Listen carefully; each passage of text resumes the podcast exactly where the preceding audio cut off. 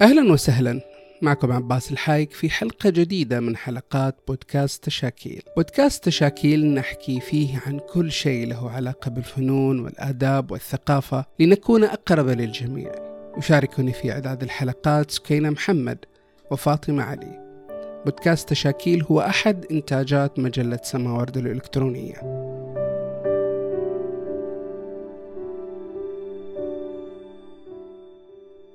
إيه راحوا جيل الطيبين. دائما ما تتردد هذه العبارة كردة فعل على أي حدث قد لا يتسق مع الأعراف السائدة أو النمط الاجتماعي أو للتعبير عن التحولات الاجتماعية التي لا تروق للبعض. ورغم ما فيها من قسوة على هذا الجيل فإنها صارت توصيفا للجيل السابق. نعم في العبارة قسوة فهل يعني أن الجيل السابق جيل طيبين كما يردد البعض؟ أن هذا الجيل جيل أشرار لا يحملون الخير ولا الطيبة؟ جيل كلهم خطايا؟ هل صحيح أن الجيل السابق فعلا هم جيل طيبين؟ نسمع إجابات الآباء والأمهات عن هذا السؤال. يجيب أولا الأستاذ سعيد الخباز. طبعا من وجهة نظر آه، جيلنا نعم ذلك الجيل هو الجيل الطيب. المنضبط آه، المجتمع كان يشارك في انضباطية الأطفال والشباب والمجتمع بصفة عامة. هذا اللي خلينا نعتقد بأن نحن كنا جيل الطيبين. ثم كان ذلك الجيل جيل متواضع اقتصاديا بالأغلب. إذا البساطة هي التي خلقت تلك الطيبة المفترضة كما يرى الخباز فهل تتفق معه الكاتبة البحرينية الأستاذة زهراء المبارك؟ لنستمع لإجابتها بالنسبة لجيل الطيبين يقال له جيل الطيبين ولكن هل الكلمة نفس معناها والتي هي عكس الخبيثين؟ أتصور أن الكلمة نفسها لا يطلقها أهلها على أنفسهم تحتاج معالجة لغوية في كل زمن يوجد ناس طيبين وخبيثين وصالحين وطالحين. في اعتقادي كلمة الطيبين هي بمعنى البساطة والعفوية والألفة وقبول الآخر والاندماج والبذل والعطاء. بالمعنى الدارج شيلني وشيلك. إن كان بهذا المعنى فنعم. الزمن الماضي له جماله ويكمن في الذاكرة التي تختزل المواقف والأماكن والشخوص تختزل البساطة والهدوء والعفوية. وهذا الزمن له جماله ويكمن في وعيه وتفكيره وإنجازاته وحرصه على التغيير للأفضل وطموحه العالي. أما اجتماعيا قد أختلف نوعا ما بسبب تعاقب السنين واختلاف في سلوك وظروف الحياة. تتفق إذن في أن الطيبة تكمن في البساطة والحياة العفوية. ماذا عن الممثل المسرحي علي السلمان من البحرين؟ زمن الطيبين زمن هو روح العطاء البحث عن الفن الحقيقي. عطاء متواصل في زمن الطيبين هو التفاني بالعمل. التفاني بالعمل من القلب للقلب. لا ينتظر الفنان حينها سخاء في الشكر والعطاء. كنا نبحث عن أي شيء لصنع الإبداع. كان الجمهور كله شوق ليرى ما يستجد من صنع الفن الرائع. تميز تميز جميل جدا في أن نكون وحدة واحدة على قلب رجل واحد.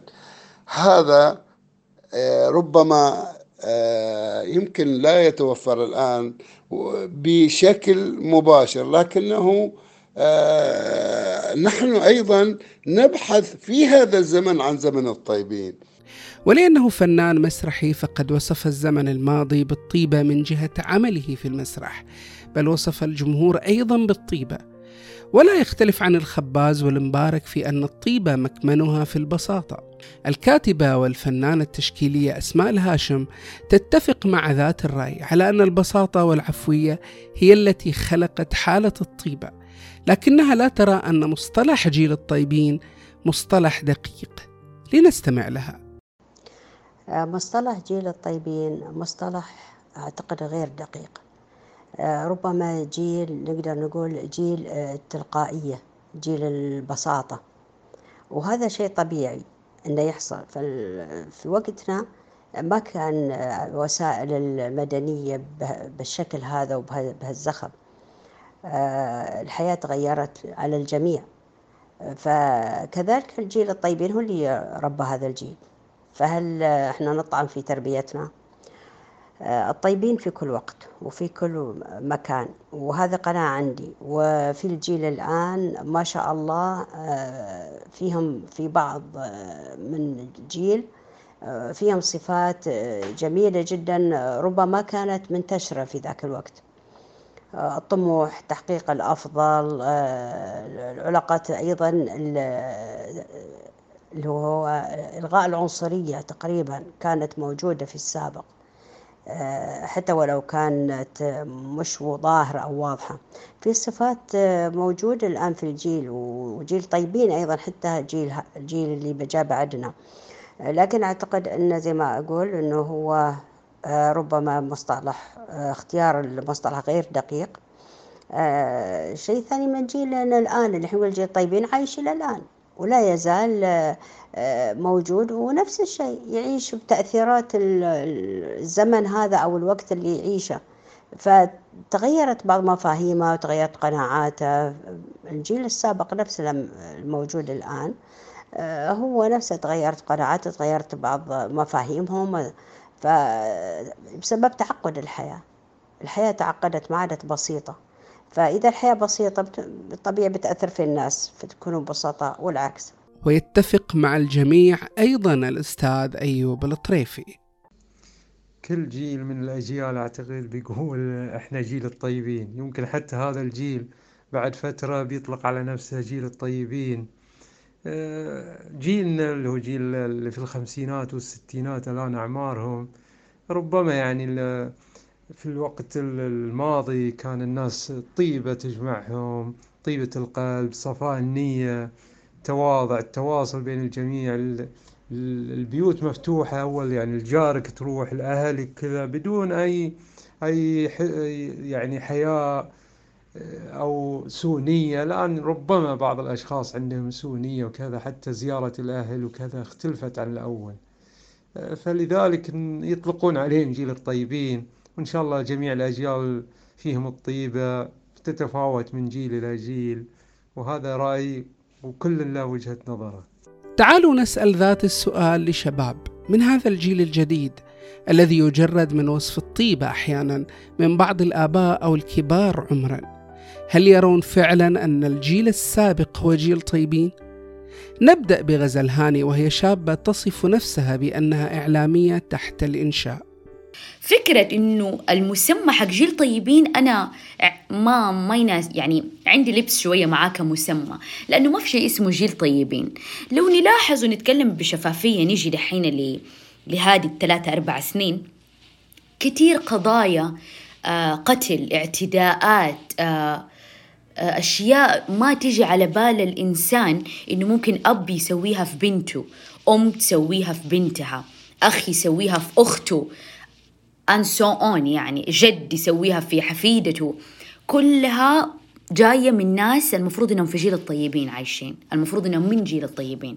من الناحية الثانية الإيجابية إنه كثير أجداد وآباء وأخوان كبار وأمهات من جيل الطيبين بس تربيتهم ناصحة وكويسة ومبنية على أسس نظيفة وفعلا آه، خلقا وخالقا. شيء فعلا آه، محترم فكرة أنه من الجيل الناصح الطيب. إذا هي ضد المصطلح أيضا وتقف على الحياد في رؤيتها للجيل السابق. ماذا عن عدي الفارسي من سلطنة عمان؟ أول شيء معروف. كل جيل له إيجابياته وسلبياته ولكن في زمن الطيبين معروف كان هناك الأمن الأمان وهدوء ويكفي أن كانت هناك قناعة. طبعا القناعة كنز لا يفنى. وما في حقد حقد وحسد وصلة الرحم موجودة بين الأهل والجيران. أما في جيلنا الحالي واللي يطلق عليه جيل التكنولوجيا وسائل التواصل الاجتماعي مأثرة فيهم بشكل كبير وغير طبيعي. في بعض التصرفات غير مقبولة بتاتا في مجتمعنا إلا أن ثقافتهم أفضل. ليش؟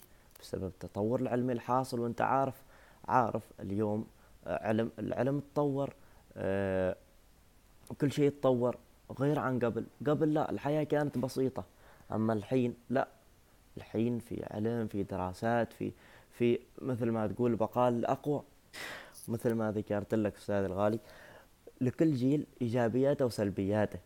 أما غدير غلوم من الكويت فقد فصلت في إجابتها عن هذا السؤال وكان لها رأي مغاير نوعا ما. شخصيا يعني أكيد أحترم كل الأجيال وكل جيل فيه الشين والزين بس إن نعمم إن الجيل السابق هو جيل الطيبين وإن إن هو أحسن من هالجيل أنا ما أتفق ويا هالشي أبدا. شخصيا خلال هالأيام يعني اللي قاعد أشوفه إن الجيل السابق الكبار مثلا أكثر عنصرية من الشباب. شي ثاني هذا الكلام يعني من أمي وهي تعتبر من الجيل السابق. كنا قاعدين نتكلم كانت قاعدة تقول لي إن تحس جيلنا بنقل المعلومة أو تعليمها للآخر أكرم. تقول إن هي يعني على أيامها والناس اللي بعمرها ما يعني المعلومة اللي يعرفونها ما يشاركونها.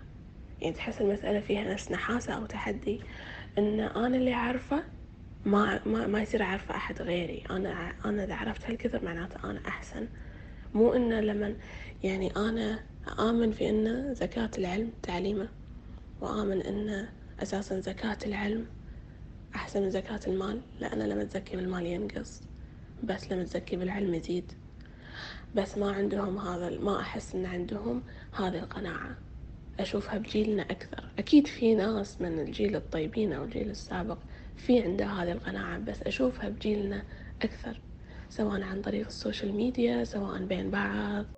هي ترفض أن الجيل السابق هو جيل طيبين وحده وأن هذا الجيل لا علاقة له بالطيبة وتسرد العديد من الشواهد وتؤكد أن جيلها أفضل وأكثر مرونة.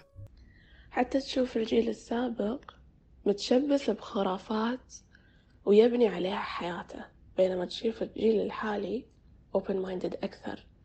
لما يكتشف أن هذا الموضوع خرافة خلاص يتركه ويبني على يعني على مباني علمية وكذي.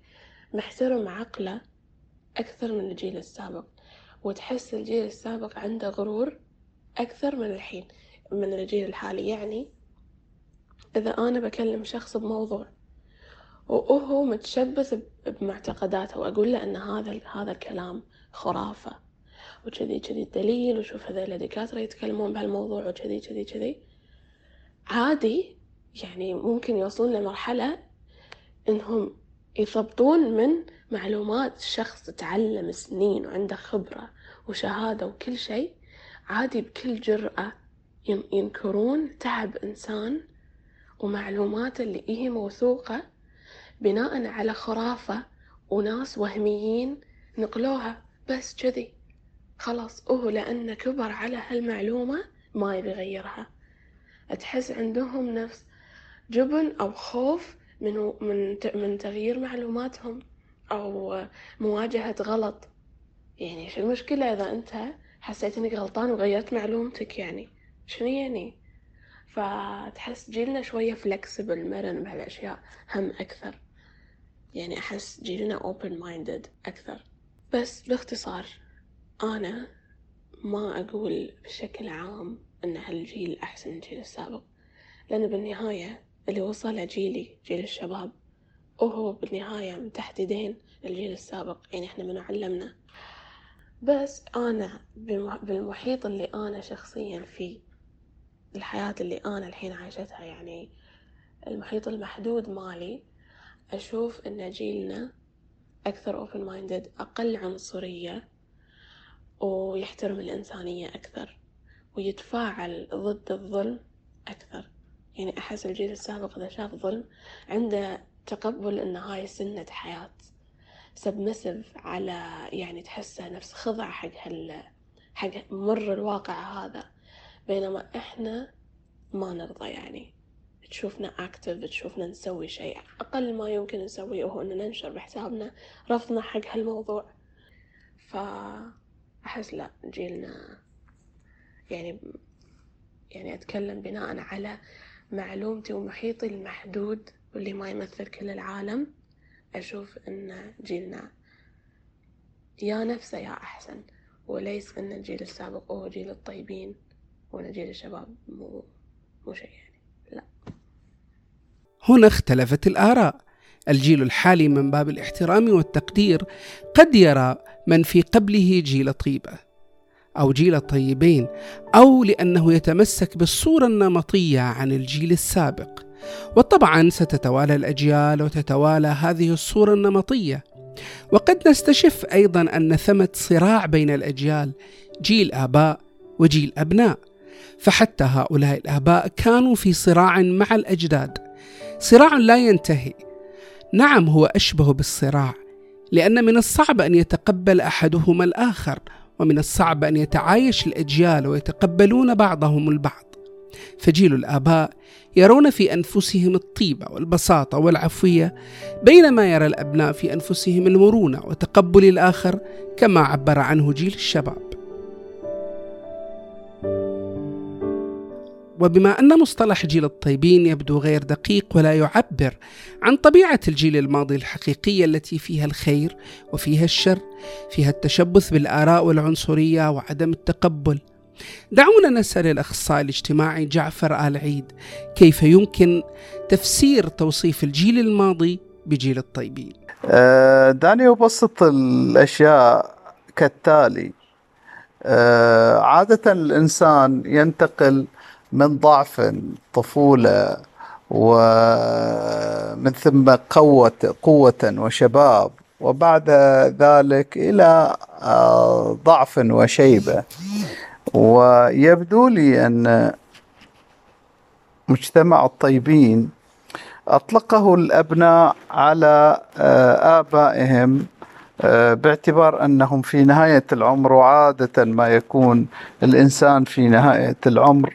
قد أسلم وترك الكثير من الأهداف الدنيوية وبدأ ينظر إلى الآخرة ويحب التعامل مع الناس بشكل جيد ليحفظ آه، سمعة طيبة.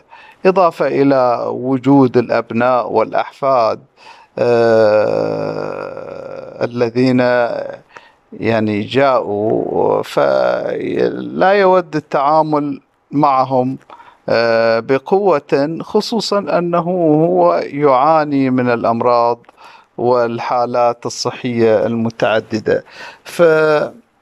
فتوصيف الجيل الماضي بجيل الطيبين آه، دعنا نقول أنه آه، هو تعبير لطيف لاحترام الأبناء احترام الأبناء لآبائهم فأطلقوا عليهم جيل الطيبين وإن شاء الله يكونوا طيبين. آه، ومع تعقد الحياة وتداخلها وأرباكاتها آه، بدت آه، تبدو للناس صعبة وفيها هموم وغموم و أمراض كثيرة أمراض جسمية وأمراض عقلية وأمراض نفسية. آه، وبدأ ينتشر الاكتئاب نتيجة لضغط الحياة على الناس. وتسود الفردانية بدل الجماعية. آه، ذلك أن مجتمعنا انتقل من الحالة البسيطة والاقتصاد البسيط والأولي والعلاقات الأولية أيضا إلى العلاقات المركبة وإلى آه، آه، علاقات المصالح وإلى آه، التنقل الدائم في هذه الحياة وتعدد المهن وتعدد المصالح والعلاقات الطارئة مع الآخرين. نسأله أيضا لماذا يرى الآباء أو حتى الجيل الحالي مستقبلا الماضي أفضل من الحاضر؟ هذا لا يعكس الواقع. آه، آه، الماضي مثل الحاضر فيه الشيء الجيد والشيء السيء والمنغص. ولكن ونظرا لإرباكات الحياة والهموم التي يلاقيها الإنسان آه، يحاول أن يلجأ إلى الماضي وينظر إليه آه، بتجرد. ينظر إليه بتجرد يعني عبارة عن ذكريات ويتذكر الأشياء الجيدة وهي حيلة دفاعية. حيلة دفاعية يمارسها دماغ الإنسان لكي يريح آه، هذا الشخص. إذا كان يتذكر كل المصاعب اللي مرت عليه في حياته آه، فراح يصاب بالإحباط. سنحاول التخفيف من كلمة صراع ونسميها فجوة من الصعب تجسيرها. وهذا ما جعل علماء الاجتماع ينتبهون لتلك الفجوة بين الأجيال. حتى ظهرت نظرية في علم الاجتماع هي النظرية الاجتماعية للفجوة بين الأجيال في العام 1960 حين لاحظ عالم الاجتماع كارل مانهايم أن اختلاف الأجيال تكون في انتقالهم من مرحلة الشباب إلى مرحلة النضج. وقد درس علماء الاجتماع الطرق التي تفرق الأجيال عن بعضها البعض. ليس فقط في المنزل بل في المناسبات الاجتماعية أو حتى الأماكن الاجتماعية. وبدأ علماء الاجتماع التنبه لهذه الفروق بين الأجيال عندما بدأ الجيل الجديد المعروف لاحقا بفترة طفرة المواليد أو البيبي بومب بمعارضة جميع معتقدات آبائهم السابقة من حيث الموسيقى والقيم والآراء الحكومية والسياسية. وقد أشار علماء الاجتماع اليوم إلى الفجوة بين الأجيال بالتفرقة الناتجة عن عمر الشخص فقسم علماء الاجتماع فترة الحياة إلى ثلاثة مستويات الطفولة ومنتصف العمر وسن التقاعد. وعادة عندما تمارس الفئات العمرية أي من هذه النشاطات الرئيسية ينعزل كل جيل جسديا عن الجيل الآخر مع التفاعل القليل بسبب الحواجز العمرية.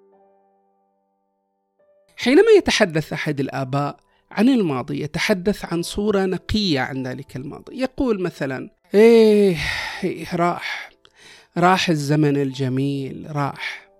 يتحدث عما مضى بحزن وحسرة. وغالبا ما يصور لنا الماضي بأنه زمن الطيبة والنقاء زمن بلا أخطاء. ويقارنه بالحاضر الذي تغير فيه كل شيء. تغيرت سلوكيات الناس علاقاتهم فاختفت الرحمة والرأفة. كل شيء جميل في الماضي وكل شيء بلا طعم ولا نكهة له الآن. سيكبر الأبناء ويصيرون آباء لأبناء وسيرون في المستقبل عن ماضيهم. سيخبرون أبناءهم عن كل جميل في هذا الحاضر الذي الذي لا يروق للآباء. سيتحدثون عن الخير والطيبة والنقاء عن جيل الطيبين الذي راح متوالية لا نهاية لها. ربما يعود ذلك لحالة من النوستالجيا وهي مصطلح يستخدم لوصف الحنين إلى الماضي. وأصل الكلمة يرجع إلى اللغة اليونانية. تشير إلى الألم الذي يعانيه المريض إثر حنينه للعودة لبيته وخوفه من عدم تمكنه من ذلك للأبد. تم وصفها على أنها حالة مرضية أو شكل من أشكال الاكتئاب في بدايات الحقبة الحديثة. مع الوقت تحول هذا المصطلح وأخذ أشكالا عديدة. ولم يعد معناه يشير لحالة مرضية بل هو مجرد تعلق بالماضي أو بمعنى آخر الحنين إلى الماضي. فهل النوستالجيا فعلا هي الدافع للحنين إلى الماضي والتعلق به؟ والاعتقاد بأن الماضي أفضل؟ نسأل المتخصص. عادة الدماغ يلعب دوره في هذه الأحداث. الدماغ وش يسوي؟ يعني أنت ربما قبل خمس سنوات عشر سنوات طلعت رحلة.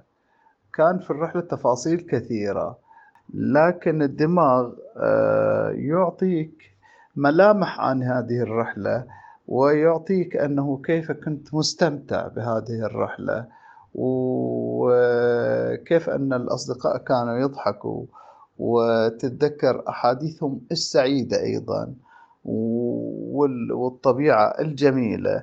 فهو الدماغ هو الذي يتذكر ويمسح بعض الأحداث.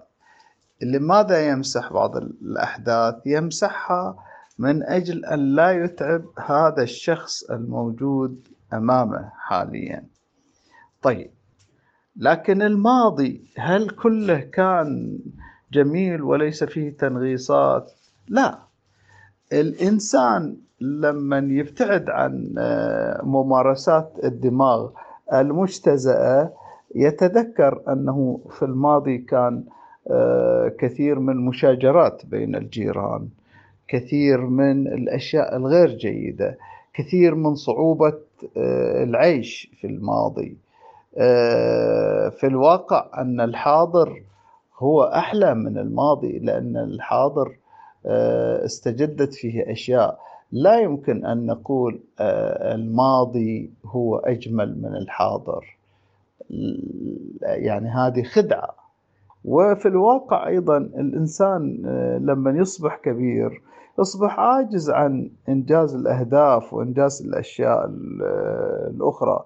فيقتات على الماضي وما عمله في الماضي وربما زاد أو أنقص أو تفاخر أو زيف في الأحداث من أجل آه، تعديل الصورة. الماضي في فيه آه، أحداث وأشياء جميلة وفيه أشياء ليست جميلة وفيه صعوبات وفيه أفراح.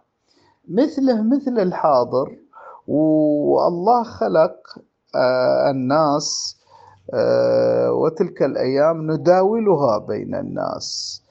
آه، جيل إلى الماضي وجيل إلى الحاضر وأشياء مستجدة لم تكن موجودة في السابق. في السابق كان مثلا موجود الأشياء الأولية متوفرة لكن الآن الجيل الجديد مؤكدا أنه آه، اخترع أشياء و آه، ابتعث أشياء وصار في أشياء وصار التواصل مثلا أسهل. فحتما في إيجابيات للحاضر لا يمكن إنكارها ولا يمكن إزالة الصعوبات التي واجهها الآباء آه، في الماضي وربما غطت بكثير عن الأشياء الإيجابية. لذلك الإنسان المفترض عليه أن يحيد بعض الأحداث ويصغر من بعض الآلام ويسعد آه، لما آه، كان في السابق لكن لا يستغرق كثيرا في الأحلام آه، الماضية وينسى وقته الحاضر. وهل يشكل التشبث بالماضي والحنين الدائم إليه خطورة على الصحة النفسية والاجتماعية للإنسان؟ إذا كان للنوستالجيا أو الحنين الماضي بعض الإيجابيات؟ آه، من الخطير جدا أن يعيش الإنسان في الوقت الحالي آه، في صناديق مغلقة كلها في الماضي ويعيش مخاوف ربما مرت على آه، أبويه أو مرت عليه ويعني مثلا كوفاة آه، آه، صديق عزيز أو وفاة آه، ولد من الأولاد أو بنت من البنات وبالتالي كلما مر ما يشبه الحدث يرجعنا إلى هذا الماضي ويصبح آه يدخلنا في آه، آه، اضطرابات ما بعد الأزمة. فمن الخطأ أنه يعني لابد أن ينتبه الإنسان إلى أن إذا كان آه، يشوف نفسه يعني الماضي قاعد يأثر على حاضره بشكل خطير فيحاول أن يخرج من هذه الصورة. إما هو يعني بشكل مفرد وبشكل ذاتي أو بالاستعانة بالمختصين. الحقيقة أن لكل جيل ميزته. لكل جيل مثالبه أيضا. فلا مطلق أبدا ولا مدن فاضلة نعيشها. فمنذ بداية الخلق كان هناك الخير والشر. فبعد استقرار البشر على الأرض بعد أن هبطوا من الجنة بدأت حياتهم بجريمة قتل. الخير والشر نقيضان لا يخلو مجتمع ايا كان ولا نفس بشرية منهما. فالبشر مزيج من الخير والشر. فكيف سيكون مجتمع بكامله شرير أو خير؟ كيف نصف زمن وجيل كامل بأنه خير بينما جيل آخر شرير؟ الماضي فيه الحلو والمر. كما أن للحاضر حلوة ومره. التعايش بين الأجيال والقبول هو ما يخفف من وطأة الصراع ويردم الفجوة بين الأجيال. استيعاب أثر التغيرات الاجتماعية والاقتصادية والتكنولوجية على الجيل وأن للجيل الحاضر متطلباته ورغباته وحاجاته. يمكن أن يهدئ من روع جيل الآباء من هذا الجيل ويجعلهم يرون الطيبة فيهم أيضا كما في جيلهم طيبة. ولا يرى جيلنا الحالي في الآباء دقة قديمة. لا يحسنون صنعا لا يملكون قدرة على مواكبة الجديد وأنهم مجرد غصاه وليسوا آباء قلقين. كل جيل هو جيل طيبين فالطيبة هي الغالبة على السلوك الإنساني والإنسان بطبعه طيب ولنحن إلى الماضي. لا بأس فالحنين علاج للأرواح المتعبة. أصدقائي كلنا طيبون متى ما أردنا. جيلي جيل طيبين وجيلكم هذا جيل طيبين أيضا وفيه الخير والبركة. إلى اللقاء.